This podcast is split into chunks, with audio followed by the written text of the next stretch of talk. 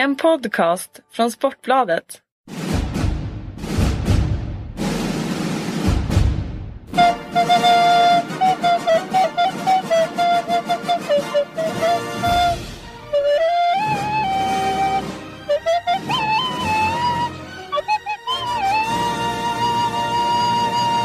Då var VM-podden tillbaka. Avsnitt 5 om vi räknar rätt. I samarbete med Svenska handbollslandslaget AB. Ska vi ju som vanligt nämna. Och i samarbete med Per Johansson. Eh, är det lite deppigt idag Per? Alltså det är klart att eh, luften går ur lite grann och det, det gör det väl inte bara för att... Eh, eller ja, det har ju med anledning att Sverige åker ur såklart. Man, eh, personligen har jag ju själv varit i, i många mästerskap där man har, har åkt ur och det är ju inte alls den så att säga, ja, jobbiga känslan som såklart spelarna och laget har. Men man, man känner också... Man kan ide- identifiera sig med hur de känner i och med att man själv har varit i den situationen. Så det är klart att som, som svensk så vill man ju att det här ska gå så långt som möjligt. Så, ja, lite... Det var lite kämpigt igår tyckte jag. Liksom. Det var, var. Vemodigt är väl ett ord kanske. Du eh, blir kvar och kör med Kanal 5 eh, VM ut, eller hur? Ja, då, det gör vi. Vi ska sända två kvartsfinaler och två semifinaler och final och bronsmatchen. Så vi har, vi har tre sändningsdagar kvar. Så att det, det var bestämt på förhand. Och det, där har du ju såklart fantastiska matcher att få, få uppleva. Men eh, det hade ju varit ännu härligare att ha de matcherna plus att man hade Sverige med sig. Så det, det, eh, men vi får sörja någon dag och så får man gå vidare. Ja, jag går långt vidare. Jag eh, åker hem imorgon bitti och eh, det är väl i ärlighetens namn skönt på många sätt. Och, eh, Man har varit iväg länge nu och det har varit ett jäkla race. Så att, siktar väl på att jag ska faktiskt ta, jag ska ta så här långledigt igen. Jag ska ta några jag har mycket komp och mycket semesterdagar som behöver tas ut så jag tänkte ta ledigt större delen av februari. Men jag, tanken är väl att göra, någon, göra VM-finalen i varje fall. Ja. Annars så ska jag dra ner på tempot eh, de här sista dagarna av VM också. Har ni gurkburk hemma? Det är inte mig vi ska prata om Per. Eh, vad säger du om matchen igår? Ska vi snacka ner den som ni säger på tv-språk? Ja, det... Som helhet så är det ju en, en, eh, ganska medelmåttig handbollsmatch. Eh, som ju inte riktigt lyfter i någon ända någon gång egentligen. Eh, Sverige har ju fokuserat väldigt mycket på sitt försvarsspel och målvaktsspel och det har man nog gjort rätt i. Eh, det som, när man lägger så stort fokus på det så, så blir det också, det blir mycket kompromisser. Eh, man måste kompromissa i, i sina uppställningar och om vi nu kan konstatera att försvar och målvaktsspel är ju vår starkaste del här under, under mästerskapet så, så lider man ju lite grann av det i andra ändan sen att man Ja, man, man bränner mycket energi i försvarsspelet. Jag tror att det är väldigt mycket att, att tänka på för många av de här spelarna som inte är så erfarna. Och vi har ju inte riktigt lyckats få igång farten i våran kontring. Jag tycker att våran kontring främst har, har varit med, med Kjellman och Ekberg och, och Petersen. Sen har vi inte riktigt lyckats få till eh, ja, andra och tredje vågen. Och när man tittar på en, en uppställning som vi hade igår exempelvis när Kjellman spelar spets i 5-1 och bakom sig har han Andreas Nilsson och Tobias Karlsson och Viktor Östlund så, så har vi ju vi har en 9 spelare.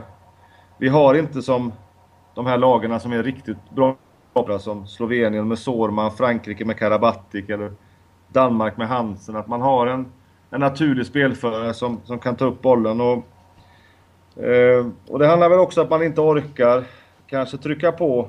Det är klart att alla som sitter i hallen och inklusive alla i hallen, men och inklusive lag vill ju ha fart och vill ju hitta den känslan att vi ska driva upp tempot. Men organisationen och, och, och de spelarna som ska driva det i andra tredje vågen är ju... Det blir ju väldigt udda uppställningar. Det blir ju krasst så blir det Viktor Östlund, Tobias Karlsson och Andreas Nilsson som ska, som ska driva kontringen om vi inte hinner byta. Och, Utan Kim Andersson så är det ju så. Vad sa du? Ja, utan Kim Andersson så blir det Ja, ju så. Det är ju, det är ju han som ska driva det Ja. mycket annars ju. Det är det ju. Det är ju det, är det som jag var inne på att då blir det ju, det blir ju en, en väldans kompromiss i, i, i bytena då utifrån att man dels vill hålla kvar i försvarsspelet samtidigt letar man i, i matchen igen och efter tempo. Och det, när vi väl har tempo så är det ju främst genom våra första fasspelare. Jag hade väl kanske sett att man skulle spela en lite mer bära och brista kontring. Att man, man ska vara liksom sådär, använda ett enkelt och burdust alltså bara springa åt helvete. Och, och då kanske jag hade kunnat få brista med, med en massa tekniska fel i, i den fasen. Men det är ju helt klart så att man hamnar ju i, i uppställt spel alldeles, alldeles för många gånger. Mm. Och vid få tillfällen under matchen så, så får man upp tempot i kontringen. För att eh, Polen var ju inte på något sätt... Är ju inte speciellt bra att springa hem, men vi, vi har ju svårt att organisera oss och vi har svårt att få upp farten i kontringen. Där är väl den stora boven igår. Och det bär vi ju lite grann med oss upp i anfallsspelet också. Om vi nu har mycket halvdistansspelare så det har vi ju med Fahlgren, Lukas, ja, i viss mån även Viktor och, och, och, Marcus och Persson och Zacke. Det är ju halvdistansspelare mest allihop, även om såklart Olsson och Östlund har ett, ett skytte. Så, så måste man också vara lite mer noggrann med, med, med vilka spelstarter och vilka bollar man skickar till varandra. Och det är klart att där är också då vi hamnar tillbaks igen på Kim. att När Kim är inne så är han den enda spelaren som drar på sig kanske två, ibland tre spelare för att Lukas Karlsson ska få man-man eller Fahlgren ska få man-man. Här måste ju de pojkarna göra det jobbet själva och det, det mäktar man ju inte med mot Polen. Ehm. Där väljer man ju kanske ibland lite fel starter utifrån vad man har för manskap på banan. Och man anpassar det kanske inte fullt ut efter de som spelar men samtidigt då så är det ju en... Så det är ju spelare som, som är beroende kanske att ha någon bredvid sig som kan öppna upp för dem och där där blir vi väl lite synade kan jag tycka och, och letar ju efter Eh, farten och, och, och, modet att gå rakt på mål. Och då blir det lite för mycket sidledsspel och det blir lite för korta spelföljder, att man inte orkar ha tålamod och så vidare. Så att, jag tror att det där hänger ihop, vad min poäng är. Det hänger ihop från att man är tvungen att lägga så mycket kraft i försvarsspelet och i ganska ovana roller för en del spelare. Eh, som gör att man lider av det när man väl kommer i besittning av bollen. Och jag tror också att man jag har upplevt sådana här matcher själv på bänken. att man det är så, så klart och medvetet om att Polen vill dra ner tempot och man vill ju inte att Polen ska ha bollen 70% av matchen som det ändå nästan blir. Och, då blir det en, en underlig matchbild som blir svår för Sverige. Mm. Det var väl en lite längre analys. Ehm, så. Sen ehm, kan man exempelvis se på Andreas Nilsson att nu när han får så mycket förtroende både fram och bak så jag tycker man ser både mot Frankrike och mot framförallt hem mot Polen så, så, ehm, så får han också betala i, i sin offensiva ända. Att han, ja. han står bakåt. Och det kan jag tycka kanske att man skulle spelat med Nilsen som lite grann försvann under det här mästerskapet. Men man kanske skulle vå, eller våga att man kanske skulle haft ett, ett, ett, klart och tydligt byte med honom. För han kan ju spela den rollen som försvarare och har ju varit väldigt, väldigt lyckosam i Berlin och så vidare. Och Ja, sen, sen letar man ju febrilt efter uppställningar i anfallsspelet. Där, där byter ju förbundskaptenerna eh, väldigt, väldigt mycket. Eh, Även om jag kan tycka kanske att Mattias Zachrisson får en lite för stor roll under för lång tid på högernio. Men där försöker man ju hitta en uppställning som ska fungera. Och, ja, Lukas Karlsson kommer inte tillbaka in i matchen igen och så vidare. Och man försöker varva med Olsson och, och Östlund, men det blir... Eh, ja, man får inte loss helt enkelt en, en det är en fruktansvärt kämpig match att, att vara eh, coach i. Det, det, det, tror jag Staffan Ola kände. Ja, när, när, när Kim Andersson är skadad och Johan Jakobsson inte heller kan kallas in så... Okej, okay, då har Viktor Östlund med, med, lite, lite fysik. Annars är det ju väldigt många spelare som är väldigt likadana i spelartyper. Får man ja. säga på 9 meter. Och det är klart när man då, om vi glider in lite på Polen, när man har ett, en balansering i laget som Polen har med med i stort sett spelare över två meter i, i alla de här... Eh, eller i, i, i mittförsvaret och med tvåorna så... När då inte Sverige får upp tempot och, och, och får dem att flytta i, i, i djup och sidled. För det, för det fick man när man väl spelade med fart och hade lite längre spelföljder. Men när man inte får det så, så blir ju resan enkel för Polen där bak. Och framförallt för Smal också då. Smal har ju inte varit så jättebra den här turneringen men får ju en ganska enkel resa mot Sverige precis så som han vill ha det. Mm. Um, så det... det um, Polen får ju bra betalt för, för, för, för, den taktiken de väljer att, att göra. Eh, alltså, det enda jag kunde säga är alternativet. eh, Man, eh, för de provade ju verkligen det mesta, det får man ju lov att säga på 9 meter. Men att spela till Fredrik Petersen lite mer. Nu ska jag ju inte påstå att det, det är ju ingen skytt och det gör ingen skillnad i fysik och tyngd eller någonting. Men, men att kanske, för jag kan ju tycka att när väl Petersen har fått spela i det här VM så har han ju ofta gjort, det- gjort det bra. Nu är han ju kantspelare och det är mest där han har spelat och så. Men det känns som att det, det, det händer rätt mycket. Det gör det ju alltid kring Petersen i och för sig på något ena eller andra sättet.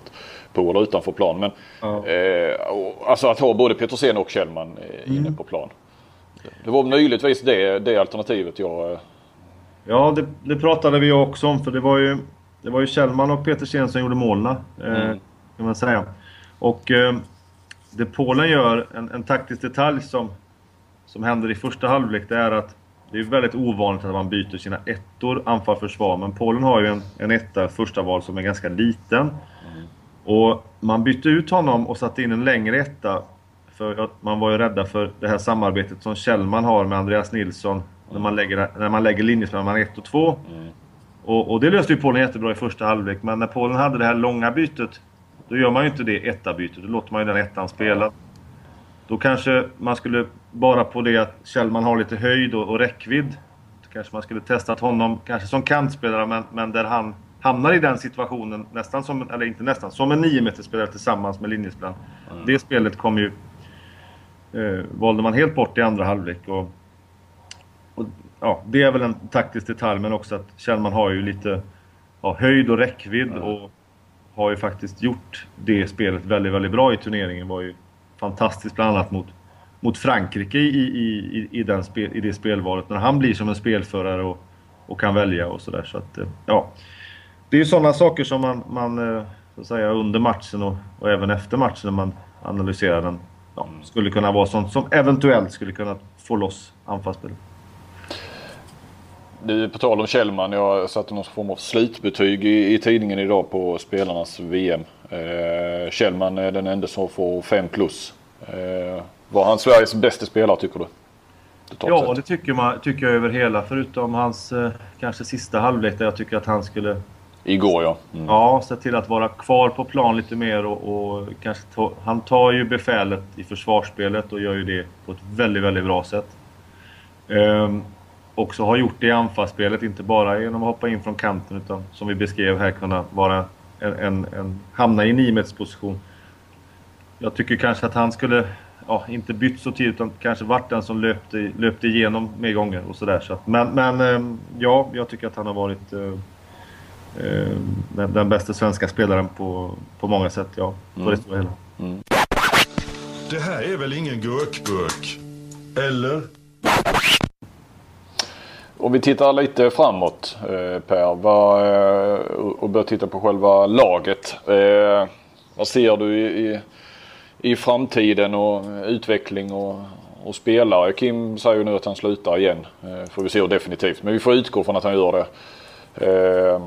De kommer ta ett snack med Kim Ekdahl igen sa Ola men det finns väl inget nytt där än så länge. Det, det, det kanske kan ändras. Jonas Kjellman är tveksam. Ska hem och fundera. Ehm, ja, vad, hur ser du på, på eh, vilka är det som ska ta, ta det här vidare? För någonstans blir det ju ett, ett, ett litet slut efter ett mästerskap eller någonstans. Ett, det ska göras ett nytt avstamp på något vis. Ja. Det, ofta så grumlas ju det här lite grann för man har liksom på näthinnan att det var inte så bra igår och lite nedslående här med Kim Anderssons beslut som ju inte är på något sätt märkligt. Så att ofta så, så ser man väl lite mer negativt än vad det egentligen är så här, så här kort tid efteråt. Och det är klart att eh, Sverige har en, en eh, har väldigt många talangfulla spelare i åldrarna ja, 92 till 96 säger vi då. För att bara hitta ett.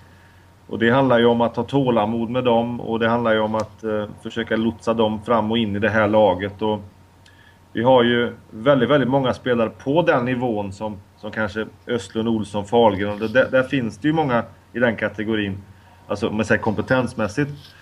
Ehm, sen eh, så, så, ehm, så får man ju försöka att, eh, att hitta en fortsatt strategi. Jag menar, som du säger här, Jim Gottfridsson eh, ska ju in i det här. Johan Jakobsson förhoppningsvis. Och Och sen så kommer det många spelare. Eh, Lukas Nilsson i, i Ystad och det finns ju... Ja, vi behöver inte rabbla dem men det, det finns ju många talanger. Mm.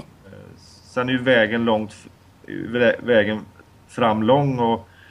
Det är klart att jag såg på Frankrike-Argentina igår där, där liksom Frankrike släpper in Grebill och Neocas som sjätte och sjunde nia liksom. Det är klart att wow, tänker jag så här.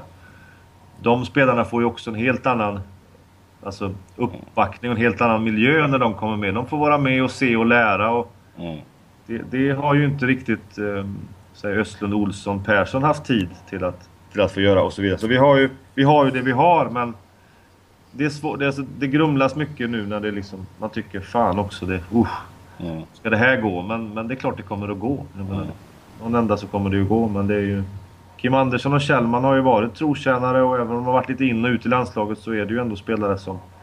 När de väl presterar så är, tillhör de ju världstoppen och, och där har inte Sverige så många spelare idag i världstoppen. Så är det. Nej, och, och, och tittar man eh, med några års sikt så är det väl kanske mest oro på högernio kan jag känna. Eh, eh, nu vet vi inte vilka som tar steget och Lukas Nilsson och så här. Viktor Östlund har tagit ett steg de här veckorna. Men, men eh, vänsternio känns det ju rätt så bra hyfsat beställt på. Ja. Jag kan känna det värre med högernio för att Johan Jakobsson eh, har sina ständiga skadeproblem. Övertygade inte när han eh, fick eh, all speltid i EM senast. Har det haft det tufft nere i Flensburg, det vet jag. Ja. Skador och så, skadelägen och... och sen är det ju okej, då jämför vi med en Kim Andersson som, som är ju den här, som är den 2000-talets bästa svenska spelare väl och, och har hela paketet med, med skytte och, och försvar och, och blicken och passningarna och alltihopa naturligtvis. Så, att, så att, det är ju vad man jämför också med och medan vi på vänsternio har vi haft Kim Ekdahl men vi har ändå känt att oh, det har saknats en svensk vänsternia i, fan, i 15 år.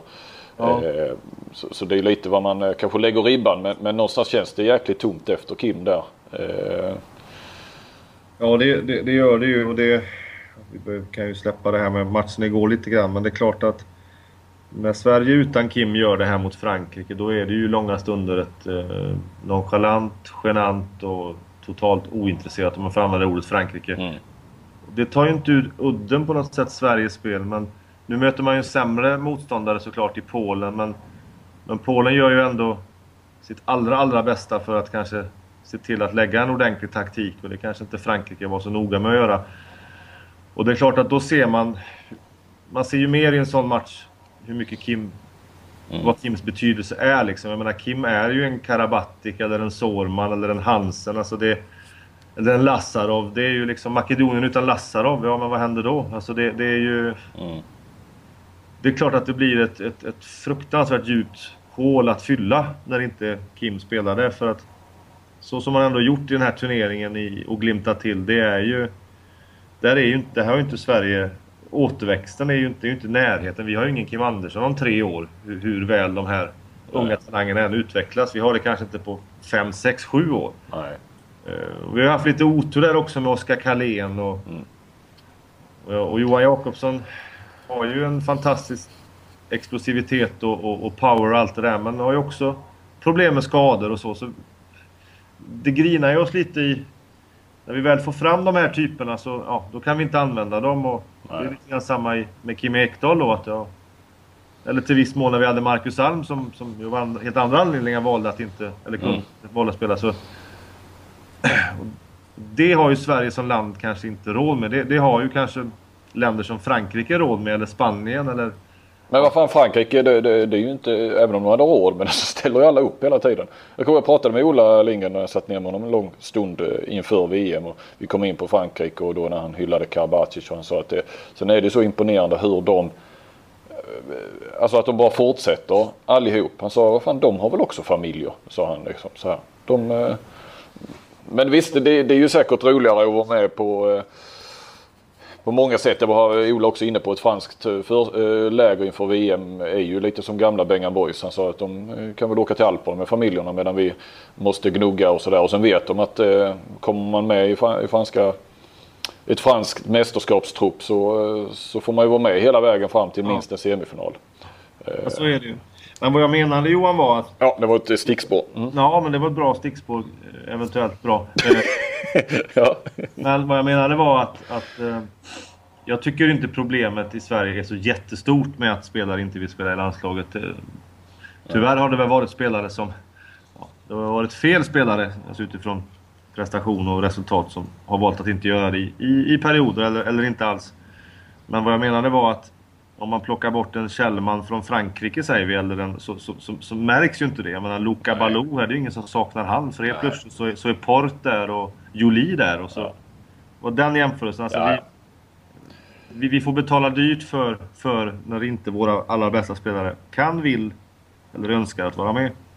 Och den verkligheten lever ju vi i. Den kommer vi få leva med. Mm.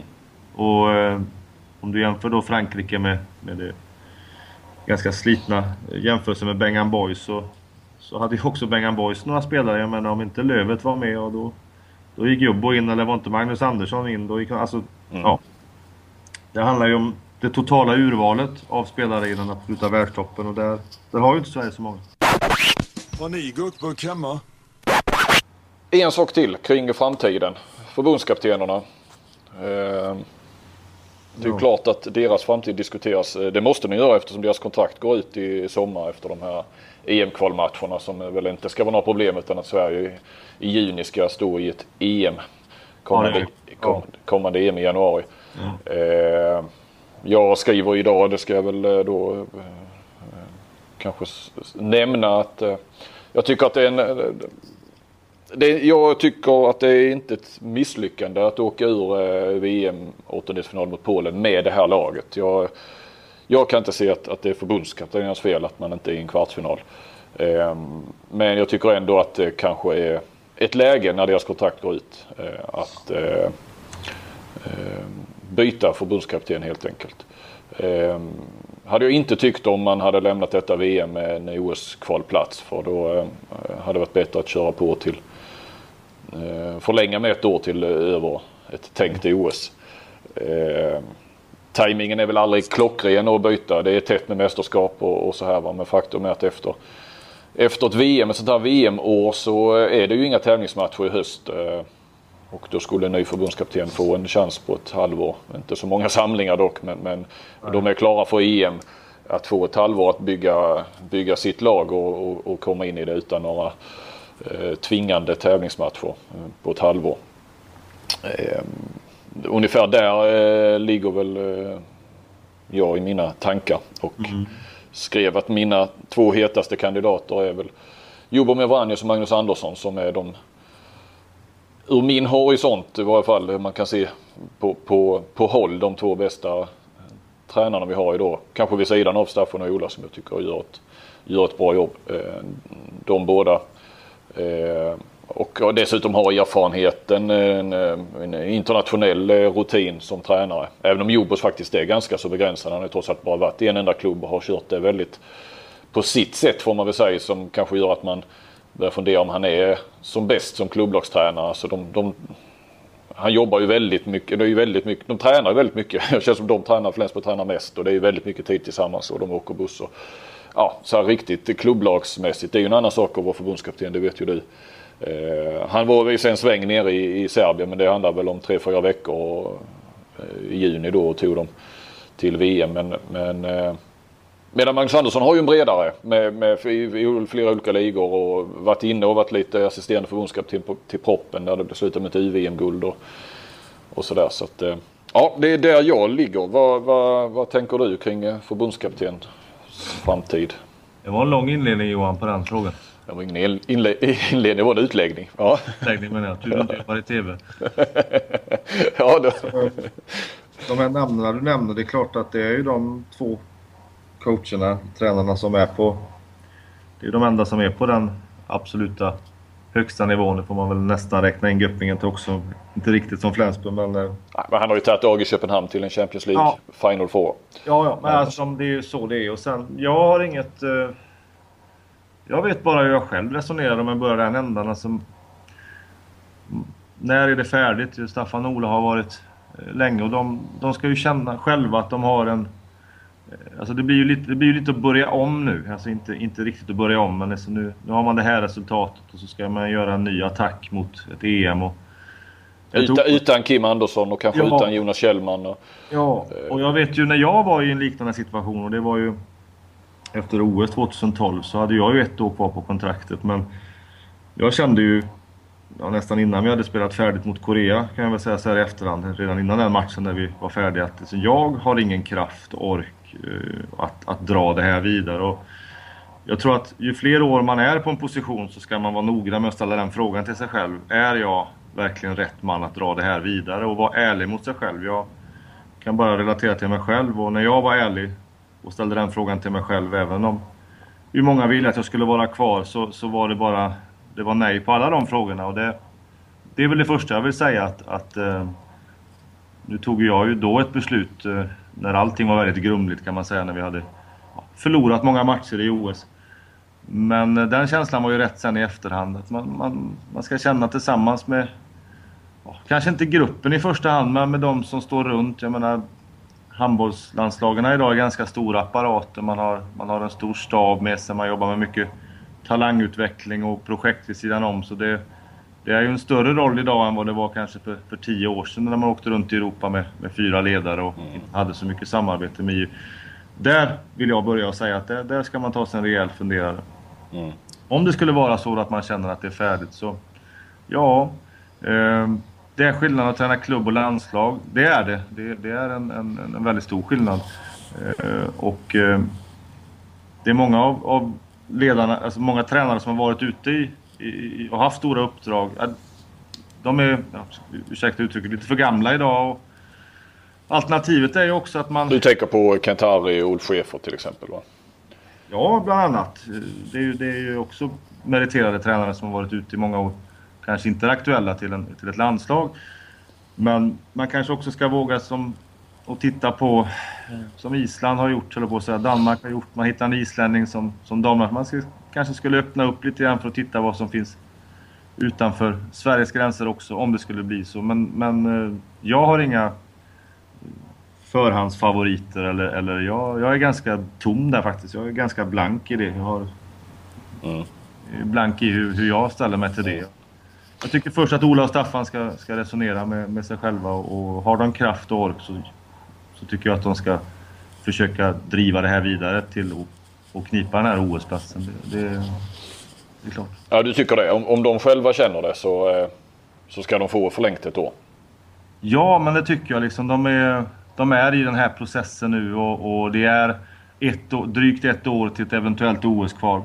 Det är inte, liksom inte längre. Och, har de kraft och ork och förmågan och, och, och tro på att de ska dra det här vidare så, så tycker jag definitivt att de ska göra det. Sen, sen om de inte vill det så, så, så har jag ingen jätteklar uppfattning.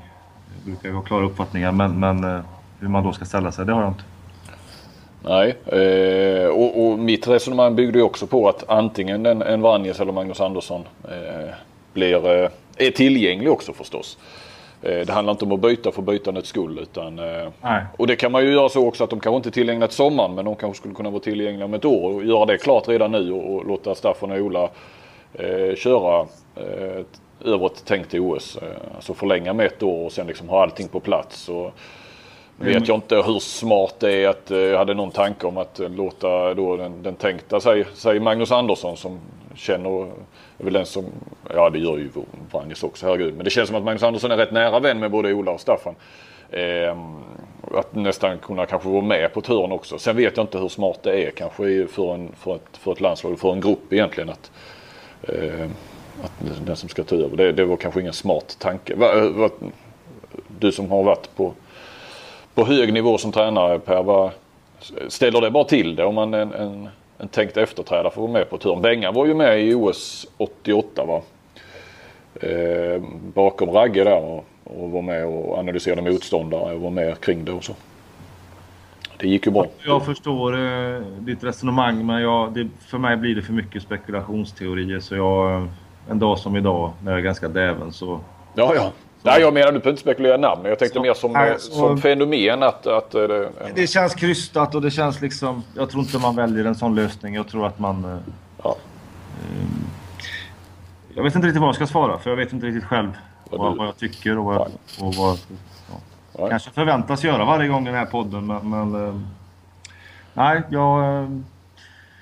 eh, Det får ta en, det, det är ju ingen panik med det. Det får ju liksom någonstans växa fram så får vi väl kanske ta upp den frågan igen. Är det ett känsligt ämne att eh, kritisera eh, Staffan och Ola? Eller kritisera gör man inte, men att tycka att de ska bytas ut. Jag tänker inte bara om du, att du själv skulle tycka det, men att överhuvudtaget att Ja, det vet jag inte. Jag har väl inga deras position. att- Och, och tycka det i så fall. Men, eh, men det, jag, det jag sa i det här på de här frågorna det är att jag tycker att man är inne i en process nu och den, den hoppas jag att man kan slutföra. Och, och, och då kan det väl kanske vara så när man vet att drömmen om OS inte finns kvar. Då kanske det är läge att byta. Men, men eh, innan det tycker jag inte, jag tycker inte man ska byta. Sen, sen eh, vet inte jag hur ni hanterar eh, ikoner och sånt i, i, som har varit, betytt så mycket för svensk handboll. Och man, om man är snabbare på att kritisera andra som inte har meriter, det vet jag inte. Men, men det, det är klart att det kan vara så att man, man, eh, att man kan vara untouchable. Men eh, ja, det är också en, en eh, fråga som är svår, svår att svara på. Det här är väl ingen gurkburk? Eller? Då tittar vi framåt. Ja, Eh, det gjorde vi i och för sig precis innan också, men det handlar om landslaget. Nu handlar det om VM. De Ja. lagen, det finns ju några lag kvar faktiskt. ja det gör det. Presidents Cup ja, hur tror du det går? En intressant match idag faktiskt klockan, eh, så vi får snart bryta här klockan tre tror jag. Chile, Chile mot eh, Algeriet och sen är det Iran mot Saudiarabien. De går ju samtidigt. Så Ja. att det känns ju inte bra. Nej, det är Att välja där. överflödets förbannelse ja. Ja. Nej, det är ju en cup. Intressant det President Cup är ju. Många tycker varför spelar man det? Och det är ju för att det är ju, det är ju Hassans cup. Ju, eh, Mustafa. Han har ju bestämt att vi ska ha den här tröstturneringen och jag har ju faktiskt eh, har ju en titel i President Cup. ja. Det var ingen... Jag är Eh, stolt över. Eh, vinna är att vinna som jag brukar säga 2009 då. Då vi i vårt gruppspel i President Cup eh, öppnade upp mot Thailand för att sen ta oss an eh, Australien och sen säkrade finalplatsen genom att slå Ukraina och så slog vi Tunisien i dubbla förlängningar.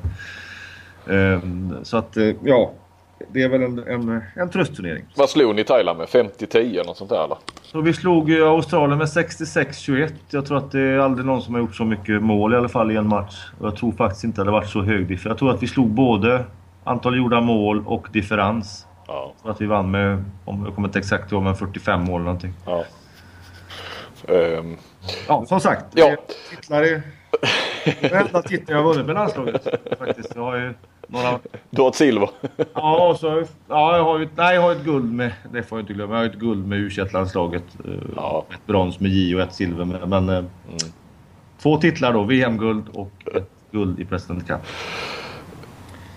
Ja. Är det Hasse Mustafa som lämnar över de här... Den, eh, finns det medaljer i Presidents Cup eller en Det är ju pokal? bucklor och hela konkarongen. Det är ju liksom... Självklart är det Hassan, det är ju hans cup. Så att det, Ja. Vi fick en riktigt, riktigt stor buckla och medaljer och hit och dit. Men det är klart. Glädje... Euforin den infann sig ju inte i, i Wuxi. Eh, nej. I Kina. Nej. Men nu går vi vidare. Ja, det gör vi. Det gör vi. Eh, som ni märker också här nu så kör vi lite längre än, än, eh, än tidigare. Vi, vi tillåter oss det eh, för att det här eh, är också den sista podden vi gör härifrån VM. Eh, Sverige är ute. Det finns jättemycket intressant eh, kvar men det går att se utan att ha eh, kanske podden med sig. Nåväl. Kvartsfinalerna i morgon onsdag. Det här är tisdag förmiddag när vi spelar in. Kroatien-Polen. Kroatien brukar göra, de gör ju en platsmatch då och då. Eh, Jag tror kanske att vi kan se på lite samma ketchup-effekt som Frankrike visade upp igår när de eh, fullständigt pulveriserade Argentina. Jag tror att Kroatien har förutsättningar att göra det imorgon också. Jag skulle eh, bli överraskad om, om Polen kan sätta stopp även för Kroatien. Så att eh, Kroatien vidare. Qatar-Tyskland. Ja du, Eh, det är genom... kan, kan, kan IOF få, få igenom båda till en semifinal tror du? Ja, nu... Du är ju skicklig. Du la ju upp den på uppstuds här. Nej, men alltså det, jag vet inte. Det, det blir en fads smak i munnen de här mötena. Även om vi skiter i det och koncentrerar på det sportsliga så är det så här i alla fall att Kroatien och fel. Qatar och Tyskland har imponerat. Eh, förutom inledningen av Qatar så har Qatar spelat jättebra handboll.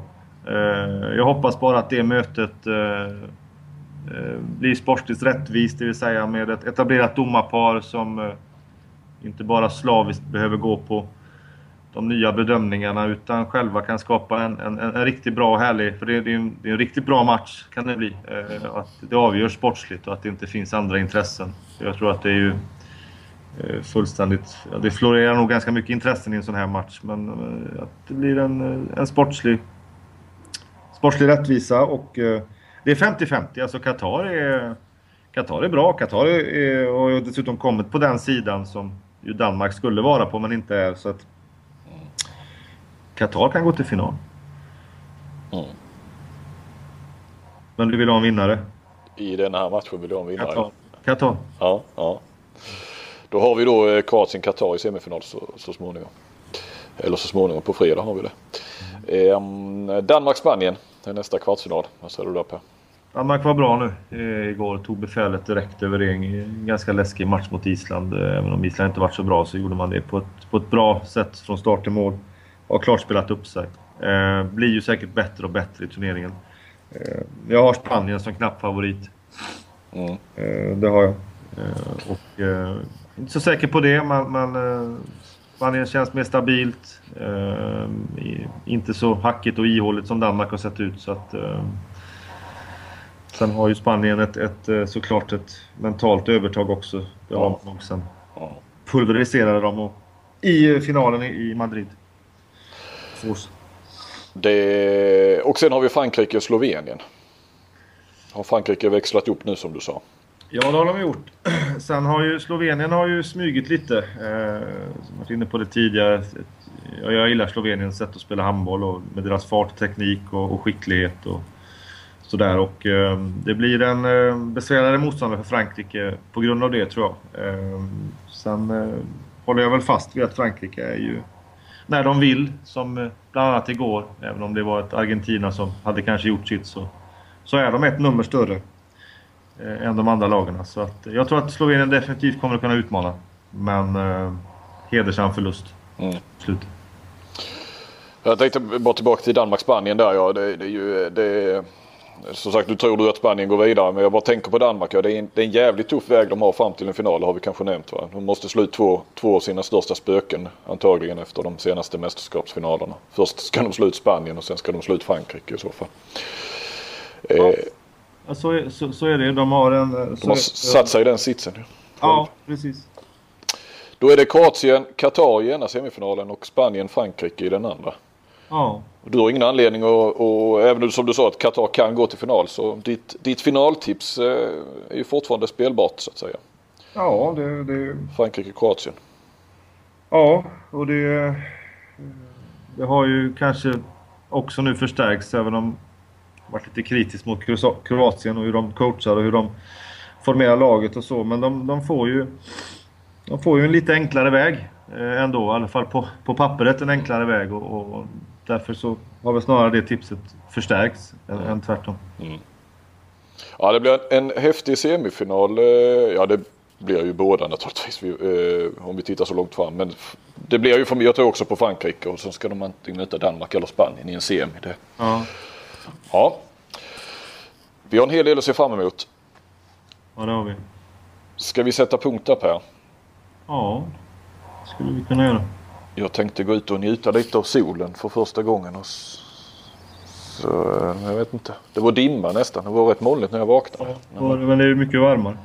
Ja, så äh, faktiskt få, få några timmar så man, innan man lämnar detta, detta land. Eller vad man ska kalla det. Ett land är det ju definitivt. Men... Ett speciellt land. Speciellt land, verkligen. Eh, så som det ser ut så eh, rundar vi av VM-poddarna här och eh, låter Kentari eh, göra comeback här eh, i den vanliga podden så att säga. Men eh, jag tror att det blir faktiskt först i början på mars.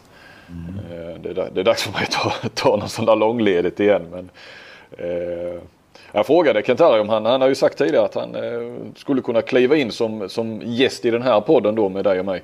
Ja. Eh, när det drar ihop sig sen menar han åttondelsfinal. Jag drog ett sms till honom i, igår kväll så sa jag ska du vara med imorgon? Eh, sa han nej, nej tack det kommer bara bli en massa tjat om att du har vunnit eh, vadet.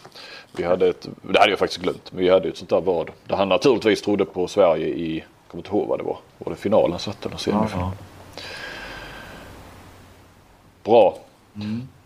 Tack eh, för de här gångerna Per och lycka till i eh, experteriet i TV. Mm, tack. Vi tackar handbollslandslaget AB också för möjligheten att kunna göra den här podden. Tack för att ni lyssnade. På återhörande. Ha det gott. Hej. Hej.